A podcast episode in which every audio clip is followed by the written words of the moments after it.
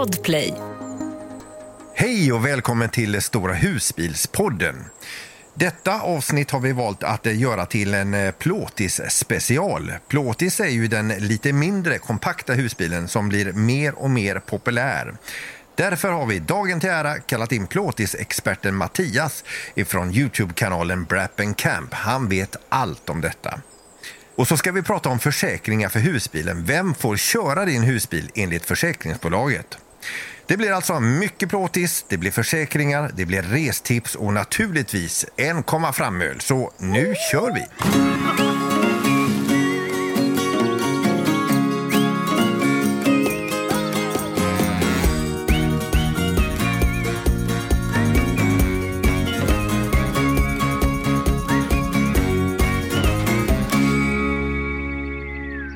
Börjar väl med att kasta oss till, eh, till Spanien och paella och, eh, och tjurfäktning och allt vad det är då. Tommy och Sara, hallå! Hej! vi, vi har fönstren öppna, vi sitter i husbilen, eh, står på en parkeringsplats faktiskt. På, Mm. Vid ett shoppingcenter just nu. Frikampar Ja. då som vanligt sen det här året tror jag. Vi har campat inne på en camping två dagar av, på det här året. Så det är mycket fricamping, mycket solceller som jobbar här i solen. Får, man- får man fråga redan här, vad, är, vad säger procenten till batteriet just nu? Eh, den sa förut 75, men jag, jag, ska, jag, jag vet inte riktigt. 77. 77. Det var 13 grader såg jag på nyheterna i Spanien. Klockan åtta ja. i morse var det. Ja, alltså här sitter Ja. ni där Ja, och säger det är jättevarmt och gott. Det är 19 grader nu. Här står det. Jaha, okej. ja, men härda ut. Ja. Men det blåser. Det blåser ganska så mycket Ja, faktiskt. Hur har ni det då? Det ser ut som ni sitter i husbilen. Micke och Nilla. Ja, du. ja, det gör vi. Det tog en jäkla tid innan ni märkte det. Ja, Ja. Vi hämtade ut den är idag. Vi kunde inte vänta. Ja, precis. Ja. Vi kunde inte vänta längre nu. Nu, nu, nu fick den åka ut. Vi, det kan ju Ja. inte stå där borta i ladan. Och... Nej. Ja, men känner ni att ni, att ni har fått någon så här harmoni i kroppen nu när ni, när, när ni är, när ni är utanför dörren igen? Ja, ja, det är så skönt. Slippa vara hemma. Ja. Hur länge var den eh, inlåst? Nej. Tre veckor? Fyra. Fyra veckor? Ja. Ja, det blev väl fyra lite drygt kanske. Ja. precis. Ja, men vad, är de första planerna då? Han, jag sitter här och dricker lite bubbel för jag tyckte det var så roligt. Men han ville inte ha något glas för han tyckte vi skulle åka snart. Ah, det är bättre vi kör iväg. Vi har Så, tagit ut den ja, och idag. det säger han nu så bara, mat då? Nej, men mat. Vadå? Så jag, jag, Det finns väl i ja, gatukök? Nej. Nej. Nej, men det, vi får se. Vi inte i skogen. Nej, jag är ju sån, jag är ju sån att jag kan ju bara, äh, vi åker. Eller så. Och så du bara, åh, men jag har ju inte planerat detta i flera Nej. dagar innan. Liksom. Herregud. Nej, nej, nej. Men jag är mer spontan så jag kan... Ja. Jag, men jag Jag tänker ju inte heller på så. alla grejer som eh, man borde ha tänkt på. Men eh, vi kommer säkert åka så att det, det, det blir så. Jag åker väl till grannkommun och sover Ja. på parkeringsplats någonstans för att vi kan. Ja, vi Ja, gör maten exakt. hemma så tar vi med den och sen åker vi. Tror jag det blir. Faktiskt. Eller så bara campar ni hemma på uppfarten. Eh, Nej, det där också. går Där gräns. går gränsen. Ja, det är möjligtvis. Det har ju du testat Ja. då när vi var barnvakt och vi inte hade tillräckligt med sängar. Så då campade han Just kan man det. säga på uppfarten. Men annars, nej. Men det var rätt så mysigt faktiskt ändå att kunna gå ut och lägga sig. Man var lugn och ro och så fick du ta barnskrik vet. och blöjor och Ja, grejer där inne. Så. Ja, den, dessa fantastiska husbilar. Vilka möjligheter de Man ger. kan ha den till mycket. Men din då Peter, du, Mm. skulle du inte varit iväg denna helgen eller? Nej, det var jag som misstog mig. Eh, nej, nej, nej, det tror jag faktiskt. Jo, alltså det, det var lite halvöppet, men så fick vi ju då, som det händer ibland, lite annat att göra här. Så att, eh, jag har varit Jaha. ute hos den idag, klappat på den, pratat lite med den. Har den det bra? Ja, den har det superbra. Fick lite extra pyts av eh, ström till laddbatteriet, eller till startbatteriet. Så Ja. att, eh, ja, jag ska ut till den sen igen och kolla hur dagen har varit för den. Men du sov inte ute i garaget där någon gång eller? Nej. Nej, men tack för tipset. Ja. Nej, men i övrigt då så jag har ju följt, jag sa ju det senast att jag har blivit för tjock så jag håller på att banta. Eh, och, och sen... Vi med. ja, check på den. Japp. Och sen så har jag varit på eh, handbollsmatch, Sverige-Ungern. Det var ju eh, fantastiskt roligt. Eh, och sen har jag ju då varit på hälsokontroll. Det är ju inte bara husbilar som ska besiktigas utan även vi som kör och lever i dem. Gick du igenom? Ja, jag gick igenom faktiskt. Ja. Ja. Så jag fick inget återbesök. jag fick inget tvåa. Nej. Ingen fråga.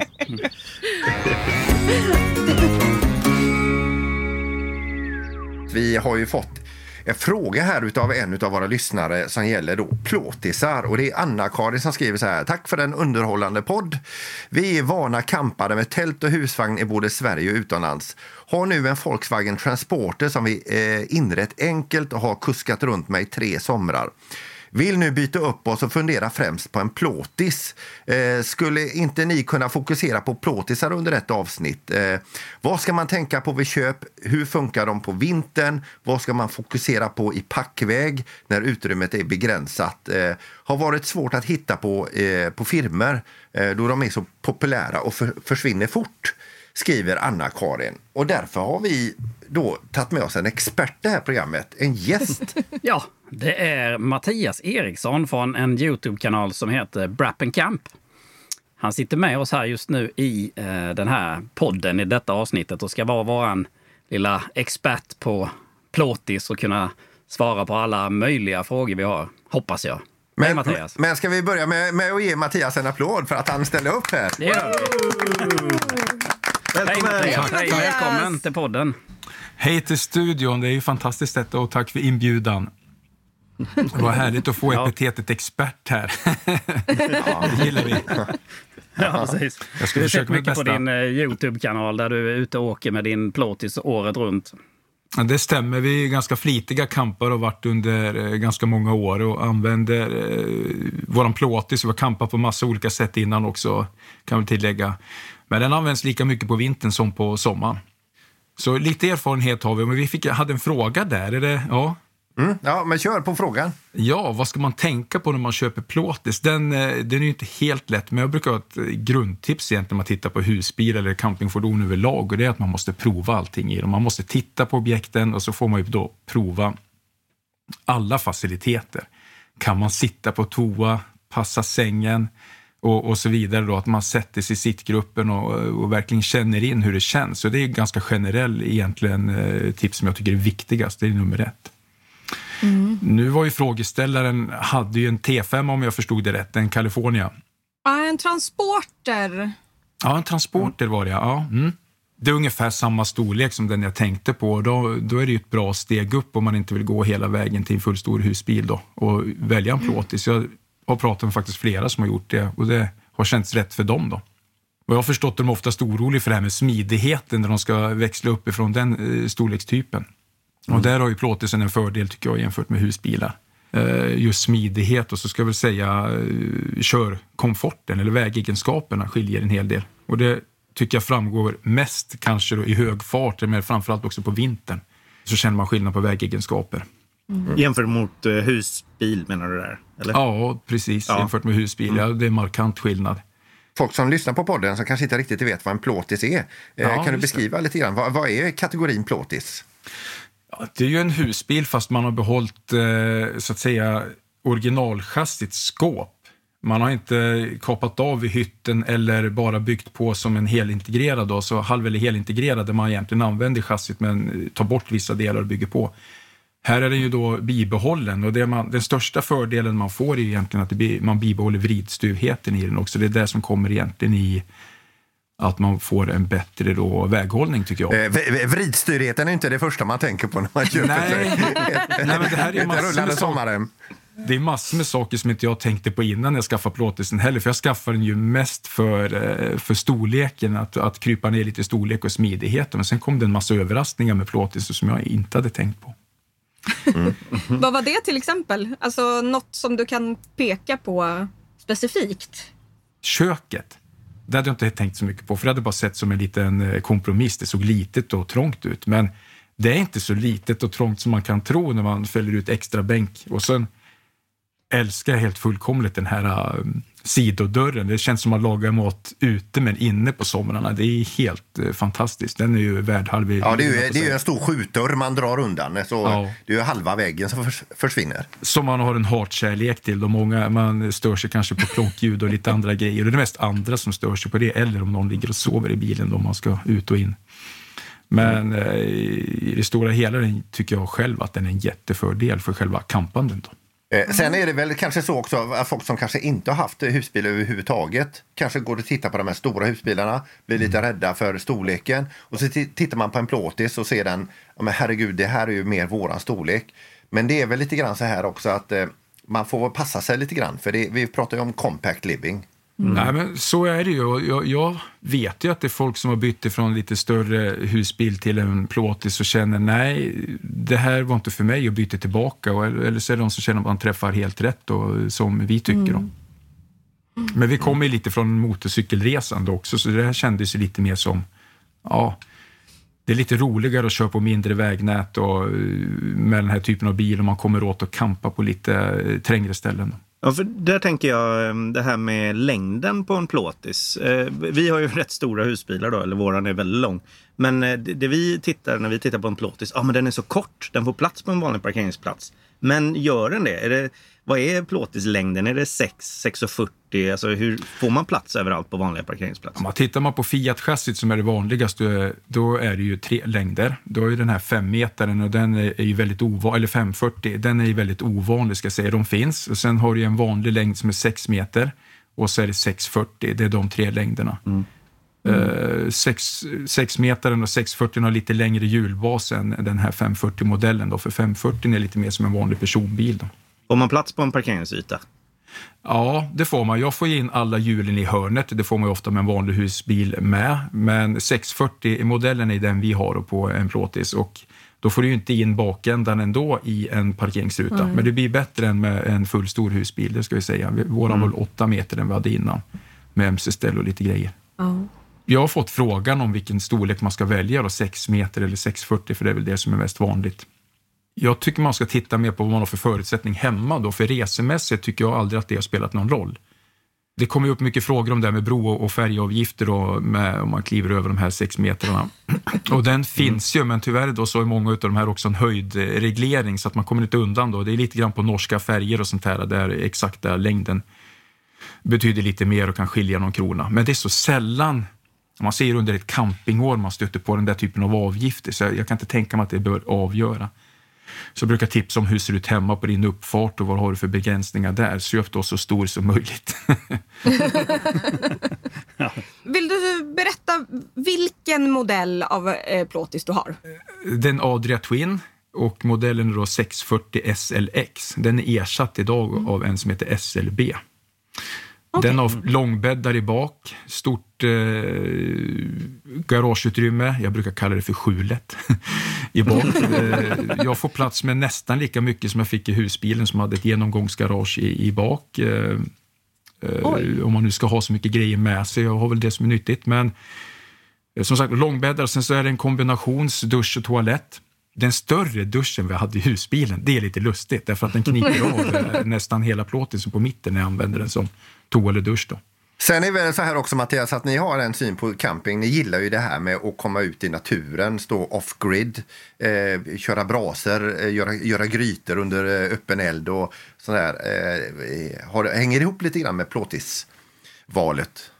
Eh, ja, det gör det. Det kan jag säga. Det är precis som du säger. Det, vi gör ofta det. Vi är ute och frikampar och, eh, och friluftar och, och så.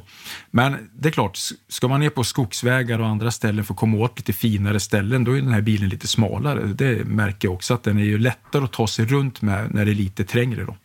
Du, sen undrar jag lite grann, i och med att det är en mindre husbil, eh, plåtis, hur funkar det med dubbla gasflaskor och extra bodelsbatteri? Finns det plats? Absolut, det är olika på olika modeller.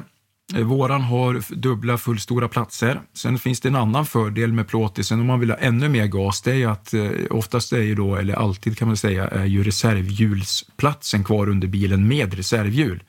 Och den kan man byta ut om man vill ha en fast gasolinstallation men har de lösa flaskorna uppe i gasolskåpet och då blir det väldigt mycket gas ombord.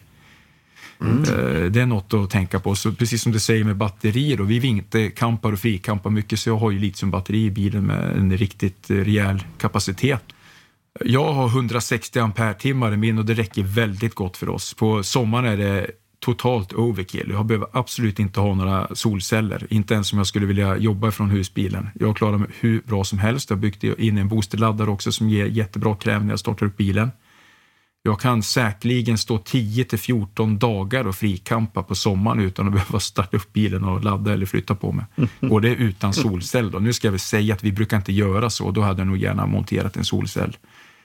Vintertid så klarar vi oss... Eh, vi kan minst stå fyra dygn och total frikampa utan att vi behöver se till att starta och flytta på oss eller kompensera med laddning. Då. Jag tänkte på värmen där. Det är det som går åt när du frikampar då på Precis. vintern. När man öppnar den här då stora sidodörren, då släpper man ut all värme. Det känns som man, tä- man bara blir av med allt liksom. Exakt, det- så, så är det. Och det går inte att öppna den lite eftersom den skjuts ut ifrån bilen så öppnas den ju övre och underkant och bakkant helt och hållet ändå. Och det är helt riktigt, men vi har ju underlättat det så det är lite tips för vinterkampare med plåtis då att man skaffar sig ett vintertäcke för bakdörrarna för man eh, behöver gå in och ut och fixa lite i, i i garaget där med prylar utan att släppa ut allting. Eller ni vet ju hur det är, man får ju alltid eh, byta gasolflaska mitt i natten. Jätteskönt att ha det där täcket där. Eh, och sen finns det då sidotecken också då för skjutdörren har jag sett, men jag har inget och jag har inte riktigt tyckt att jag behöver det. Eh, Jag klarar mig gott ändå. Du är viking, för du vinterkampar. Nej, men bilen blir inte så utkyld. Är bilen uppvärmd inne så att det bara byter luft kyler inte ner bilen i, egentligen så mycket. Ah, okay. Jag tror vi har haft minus 22 grader som kallast då. Och det har funkat bra. Och hur många grader får ni upp i, i husbilen då? Ja, det får jag ju säga. Jag får stä- ställa termostaten på 16-17 grader och jag brukar kasta av med täcket ändå, särskilt när jag sover. Så att det är inget problem med värmen i bilen överhuvudtaget. Det är överleverans alltså. Vi, vi, ja, ja, men, nej, men så det behöver man inte vara orolig på när man tänker på plåtis och vintercamping. Det som skiljer dock med husbilar och plåtis det är att vattenledningarna brukar vara lite mer utsatta i en plåtis i och med att det är tunnare isolering. Följer man plåtisforum så ser man att väldigt många inte fyller vatten på vintern utan de tar med sig, säg en 25 liters dunk eller något liknande med vatten vintertid över helgen och klarar sig. Eh, Men eh, Gunilla, alltså, ni, ni som ändå har diskuterat en del plåtis, det har ju även eh, eh, Tommy och Sara gjort. Eh, ju mer eh, Mattias pratar här om plåtisar, eh, liksom, eh, blir ni sugna eller blir ni eh, avskräckta? Nej, vi skaffar hus blir- istället. Nej, men det är klart man blir jättesugen på det. För det, är, ju- det, är, ju- det jag ser framför mig det är ju, jag har kollat på din Youtube och på bilderna på Instagram. När ni sitter där ute i era goa fåtöljer och grillar och du gör brassa käk i den här Petromaxen som eh, du eh, gjorde så att vi också fick köpa en sån. Ja, Den där Dutch oven, den. Ja, precis. Men alltså det är ju de, det är de grejerna som man skulle vilja ha. Men sen är jag lite så här rädd för platsen i den. Ja. Utrymmet alltså. När du säger så så tänker jag att det du berättar det, kan ju, det gör ju ni med er husbil också. Ja, jag vet. Men det ser mysigare ut när ni gör det. Men vi får göra det på, eh, på Maxis parkeringsplats. Men, men eh, Mattias, får jag bara fråga, du, är du lite öppen för ett byte en vecka med Micke och Nilla här? Att ni, ni, ni byter över en vecka? Absolut, det är bara frågan om de är det med nya fina bilen. Nej, men,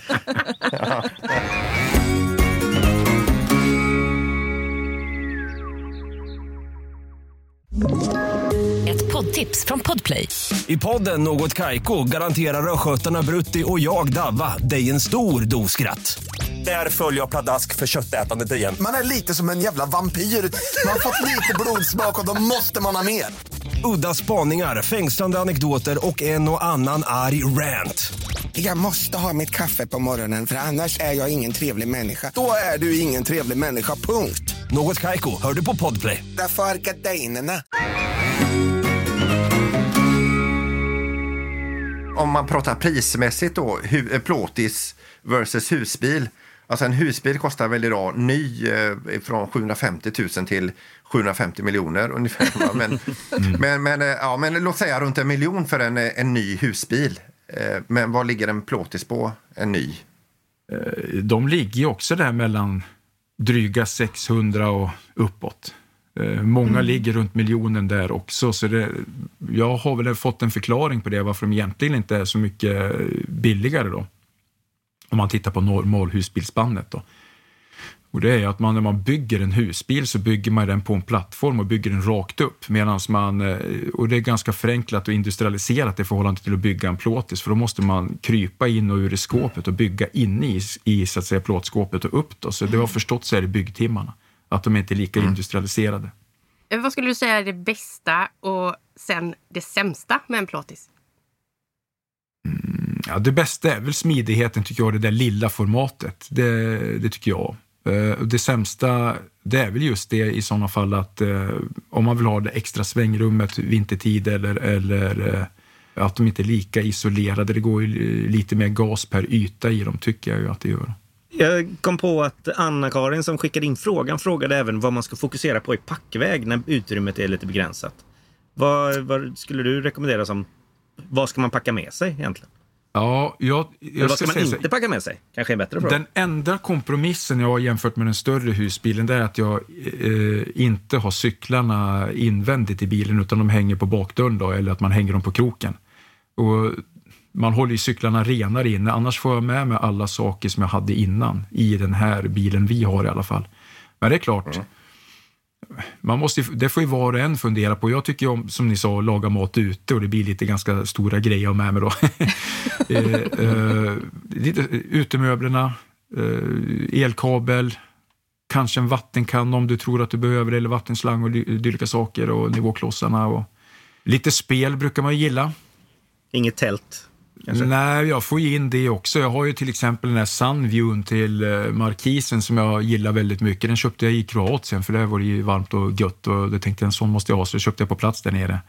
Eh, den är ju fin och den tar ju rätt stor plats och är tung i sig faktiskt. Men den har jag Och den, det är också. en sån solvägg liksom på, som hänger ner från markisen? Precis, den är rätt tung. Är den. den är tung men man ser igenom den och den bryter lite vind. Då, så den är faktiskt rätt god både hemma och utomlands. Är den. Men jag tror att alla lär sig, vare sig man har husbil eller plåtis, i början så tar man ju med sig liksom extra stolar till om man får besök. Sen tar man med sig två små pallar till. Och nu skulle få, Ja. Vi fick ju aldrig någon besök. Så, att, eh, så vi, gick ner, vi gick ner till stolar och bord till oss själva. Ja, men det är helt rätt. Jag har i och för sig ett guldtips där och nu hade jag ju lite förspänt för det låg ett par gamla aluminium eh, motorcykelväskor som jag aldrig använder i garage och skräpa som är rätt dyra då. Men då tänkte jag när, när vi körde plåtis, fan jag måste organisera lite grann här i garaget. Då, ja, de där tar jag. Och de är redundanta därför att de funkar som pallar också. Eller som småbord. Eh, Så de är jättebra de där lodden att ha saker i, men jag får även, eh, man säger då, campingplats eller lägerplats eh, utstyrsel med dem då. Jag får mycket frågor utav dem när vi stannar på camping. Jag kommer ihåg jag var på Vadstena en gång där det kom det fram några damer eller deras gubbar och frågade, "Vad- nu har de frågat länge vad det är i dina lådor. är det en vinkyl? ja, det är det. Ja, vi skojar lite om vad det är också. Ja, men lite så här, om du vill att det ska vara det, ja det är det. Precis så, tänkte jag. Ja. Jag har en fråga till eh, gällande det där med, du lagar mat ute, men eh, i, eh, finns det ugn och, eller mikro? Vad, vad, är det liten kyl och frysfack eller är det, vad är det för kompromisser Nej. i köket där? Just i våran bil så är det stora kylen, den är fullstor precis som ni har i era större husbilar. Eh, Oj! Det, det är inte alla plåtisar som har det. Det man tappar är ju ett skåp, men jag har inte saknat det. Vi, vi, fyller faktiskt inte ens de skåpen inne som vi redan har, eh, hör och häpna. Det ska vara mycket till att jag ska packa det fullt. Men, eh, men stor kyl. Vi hade ugnen på husbilen och den saknade vi när vi bytte. Det är ju en, en sak som jag, vi kan ta upp, den saknade jag. Men vi har ju Omnia-ugnen och den funkar ju inte lika bra tycker jag som en vanlig gasugn, men den gör jättemycket andra bra saker så den är kul att och matlagningen också. Mattias, vi har ju pratat om det här att alla går ju nära en dröm om att, att frikampa och eh, det är inte alla som är modiga nog till att göra det. För att man är ju så rädd för att den här markägaren ska komma med sin laddade hagelbössa eh, och vara vansinnig då. Men har, har, har ni blivit bortjagade någon gång? Mm, nej, nu tvekade när jag sa det, men nej, det har vi inte blivit. Men jag brukar väl ha bra magkänsla för var vi ska stå oavsett om vi citykampar eller, eller campar ute i naturen då, för vi gör ju båda delarna. Nu är vi två, så vi är inte ensam då. Men det är klart, jag är ibland ute ensam. Jag brukar ju stå nästan tio dygn ute på älgjakten i skogen också. Då är man ju lite ensam och det är väldigt mörkt och det är inte nära till någon gatlykta eller någonting. Då. Nej. Men då är det du som har hagelbössan istället. Då är det jag som har hagelbössan. Jag har ju full respekt för den här tanken som egentligen frågan var hur man känner i för och frikamp och jag tror att det är en tröskel för många. Men det, den är ju densamma om du tältar eller vad du nu kampar med så jag har väl med mig det sen tidigare kanske att jag eh, gillar att vara ute på det sättet. Men det, jag tycker det är en träningssak, ut och träna på det bara, det är inget farligt där ute. AC och sånt, hur funkar det i en plåtis? Plåtisen blir lite varmare än vad husbilen blir. Men jag skulle ändå inte sätta dit en, en 25 kilos eh, AC på, på plåtisen. Då finns ju de här Maxfan eller motsvarande 12 volts fläktar som du kan eh, styra. Som Ja. jag tycker är bättre till ändamålet för just plåtis. Då. För annars blir man så beroende av att stå på ström. Då. Ja. Men det är tycke och smak. För, för jag har lärt mig annat och nu har jag ingen sån takfläkt i bilen men det kan vara nästa eh, projekt att bygga dit så det kan jag rekommendera. Älskar projekt. Ja.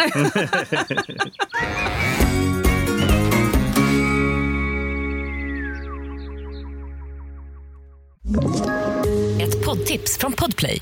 I podden Något Kaiko garanterar östgötarna Brutti och jag, Davva, dig en stor dos skratt. Där följer jag pladask för köttätandet igen. Man är lite som en jävla vampyr. Man har fått lite blodsmak och då måste man ha mer. Udda spaningar, fängslande anekdoter och en och annan arg rant.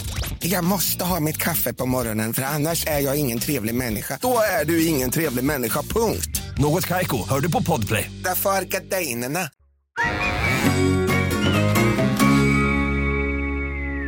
Vi har fått en fråga ifrån Marielle Pettersson. Hon skriver så här, ta gärna upp om försäkringar. Barnen eh, kan inte bara låna husbilen. Tänkte att om det är familjen så är det lugnt. Men klausul C2 och barnen eh, är inte skrivna på samma adress. Eh, då gäller inte försäkringen. Kontrollera det, skriver Marielle. Då. Har- Hur har ni det själva? Har ni lånat ut era, husbilar och Nej. trott att det har funkat? Nej. Kommer aldrig göra det. Ja, Ma- ja. Mattias, kom in. Nej, Nej. jag har inte lånat ut den men jag har sett till så att faktiskt ungarna får köra den, att familjen får köra den. Då. Jag gick ut och, klickade på lite olika försäkringsbolag och, och för att se deras regler för vad det är som gäller. Och om man har försäkrat sin husbil så tänker man liksom att det är väl som en vanlig personbil. Och då går man in på sitt försäkringsbolag och så kollar man under rubriken vem försäkringen gäller för. Eh, då börjar jag med att titta på ICAs husbilsförsäkring och de skriver så här. Bara du som äger husbilen. Du ska äga fordonet och ha försäkringen tecknad på dig. Och likadant skriver If. Är det någon som är eh, som trodde detta? Får inte frun köra då, eller vadå? Eh, Det är ju lite luddigt alltså, för Folksam skriver så här. Eh, försäkringen avser endast ditt eget lagliga ekonomiska intresse som försäkringstagare, eh, ägare och huvudsaklig brukare till det försäkrade egendom. Och så står det också så här, om du inte är fordonets verkliga ägare eller huvudsakliga brukare gäller inte egendomsskyddet och någon ersättning kan inte betalas vid inträffad skada. Så skriver de. Men eh, eh, respektive i eh, den som är, det är huvudsakligen brukare fortfarande. Så den, Ja. då klarar man sig på respektive i alla fall. Men jag tror att det är väldigt viktigt att man kollar upp det här specifikt med sitt försäkringsbolag. För att de flesta försäkringsbolag har en åldersgräns också, vem, eh, vem som får köra. Och om det finns en, en, en, en gräns där om det är 24-25 år. Och är man då eh, en dag under det så, så kan det vara så att det, att det inte äger, eller att det inte gäller. Men vad har ni? Eh, Caravan Club. Vi har länsförsäkringar. Jag kör också länsförsäkringar, jag tyckte de var bra när jag tittade på villkoren. Ja. Eh, för jag ringde till Cabria, jag har ju eh, Cabria då, det är ju eh, Adria och Kabes eget försäkringsbolag.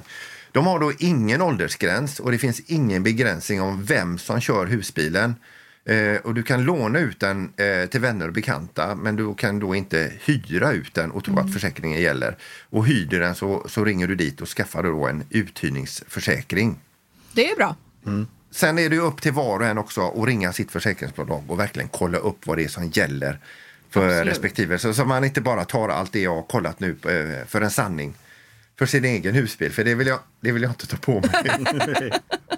Sen så, så eh, pratade vi även om eh, just det här när man har ställt av sin husbil och en del då eh, har någon typ av parkeringsförsäkring eller ställer av sin försäkring också för att det ska då bli billigare. Eh, Då kan man ju också tänka på vad står försäkringen... Om du flyttar din husbil under eh, tiden som den är oförsäkrad inne på kanske ett industriområde eller en inhägnad, då är den ju alltså oförsäkrad. Likväl är det så om, om du har den på tomten och, och liksom, då, man, man får ju tänka sig för att om man har gäster och bekanta och så kopplar du i kabeln för en, en natt och sätter värme i den och har den som gäststuga. Händer det någonting där då, då får man ju också kolla upp vad är det som gäller egentligen. Ja. Då får vi nog kolla. Ja, det är luddigt. Men det var jättebra att du har tagit reda på det här Peter. För det, det, Men, men jag tror att det är viktigt att man både pratar med sitt försäkringsbolag men innan det så går man in och läser på de villkoren som de har satt för eh, liksom, vad gäller försäkringen för och så vidare. Och så ställer du frågor utifrån texten som du har fått om du har frågor där, som man inte bara tar över telefon så här och ställer en fråga och så säger han nej men det är lugnt Eh, och så är det inte det. Nej, exakt. precis. Ja, det är bra. Ja, det är viktigt. Ja, det var ju kanske inte den mest erotiska eh, stunden i podden här med, med försäkringar här, men det är ganska viktigt.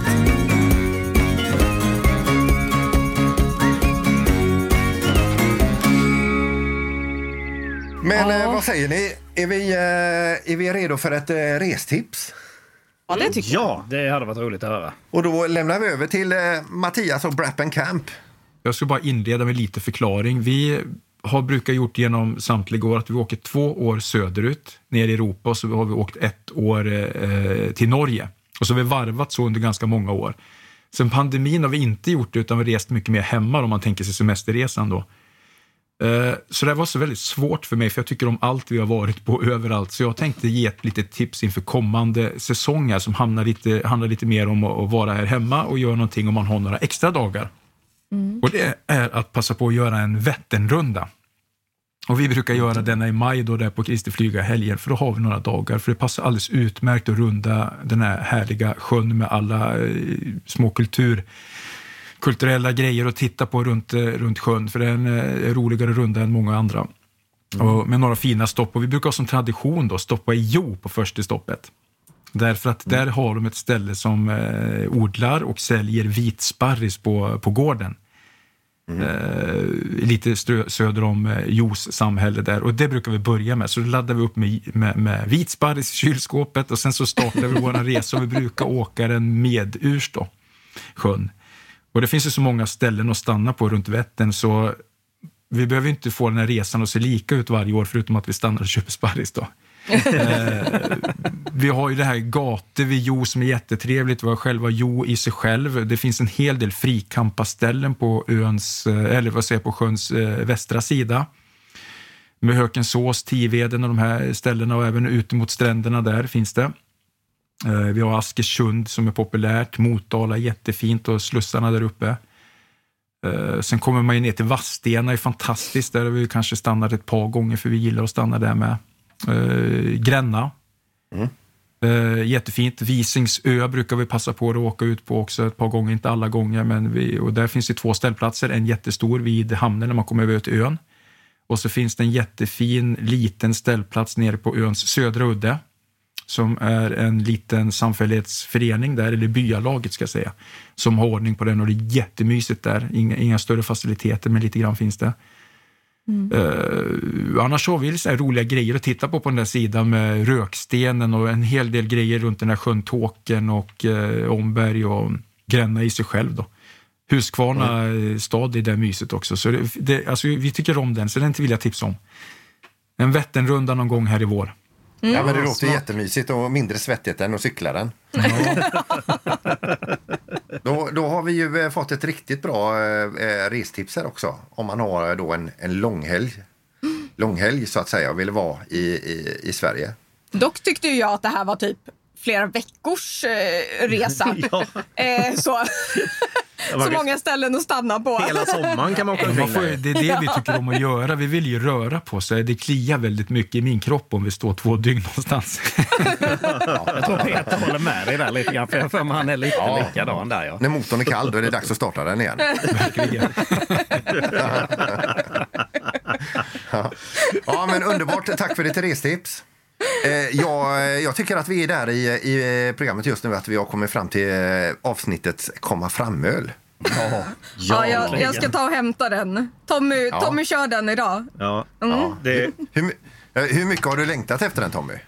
Alltså, det, det är ju en variant på den här komma fram-ölen som jag inte är så van vid kan man säga. Eh, för att eh, vi står ju på en parkeringsplats nu och, och frikampar och man vet aldrig när man eh, behöver flytta på sig här om de kommer och säger här får ni inte stå. Så, Nej, så det, blir, det, det blir en Nocco idag då eller? det blir en eh, eh, alkoholfri Cruzcampo. Eh, Och den är Gran Reserva. Så det ska Mm. vara mycket smak i den här också. Jag har inte letat upp eh, eh, vad, vad den smakar, men det står tostada i botten. Det, eller eh, här underst. Det är lite rostad så liksom. Så nu, nu ska vi se. Det är en, eh, vad, vad säger ni, en tvåklunkars öl? Eller vad säger ni? tvåklunkars öl. In, Ni har något uttryck där, jag vet inte. Sådär. Ja, där hörde vi symfonin också. Nu får ni inte se färgen på den här för jag kommer dricka rakt ur burken. Det... Ja, visst. Mm. Åh, oh, Var det jag känner, var det jag känner honungssmak. Det var lite roligt faktiskt. Mm. Det kan jag berätta. Honung, j- mörkt bröd. Citrus. Jag blev helt chockad över honungen. Jag tycker den var väldigt tydlig. Ja. Lukta på den. Ja, äh, honungste är det jag har köpt. Honung. Ja. Ja, men vi ska faktiskt flytta på oss lite här se- senare idag så det, det passar perfekt med den här. Men den var Ja. inte så dålig faktiskt. Nej, den var jättebra. Nej, men man Den kan säga så här att du, du känner massa saker förutom att det, det in, du känner inte att det snurrar till i huvudet. Exakt. Jo, men, alltså, inbil- eh, alltså, vad heter det? Inbildningssnurra gör det ju direkt. Då, eh, jag tycker att det har varit ett matnyttigt program, eh, det här programmet. Alltså. Mycket, mycket, ja. och att vi eh, tar och eh, tackar också Mattias från, eh, från Brappen Camp som kom in eh, som expert i dagens program här också. Tack så jättemycket för att du tog dig tid med resa och plåtis. Ja, tack Jag skulle själva. vilja säga det och tacka dig också Mattias naturligtvis. Men vi kommer ju lägga en länk till din Youtube-kanal på vår Facebook-sida. Så att folk kan gå in och titta på din fina kanal och alla dina äventyr du gör. Ja, vad kul. Folk är välkommen och skriva kommentarer och gilla naturligtvis. Jag svarar på allt, Härligt, härligt. än så länge. Underbart. Då ska vi testa dig på det här Mattias, om du svarar på allt. Men vi, eh, vi är nöjda så. Och så gör vi så att vi, eh, vi eh, släpper handbromsen, eller vad drar vi? Eller vad brukar vi säga? Att vi, Slä, släpper han bra så brukar du vi säga. släpper handbromsen och så Jajamän. rullar vi vidare. Och så hörs vi om en vecka igen. Ja! Det gör vi. Ha det så bra! Hej då! Hej då!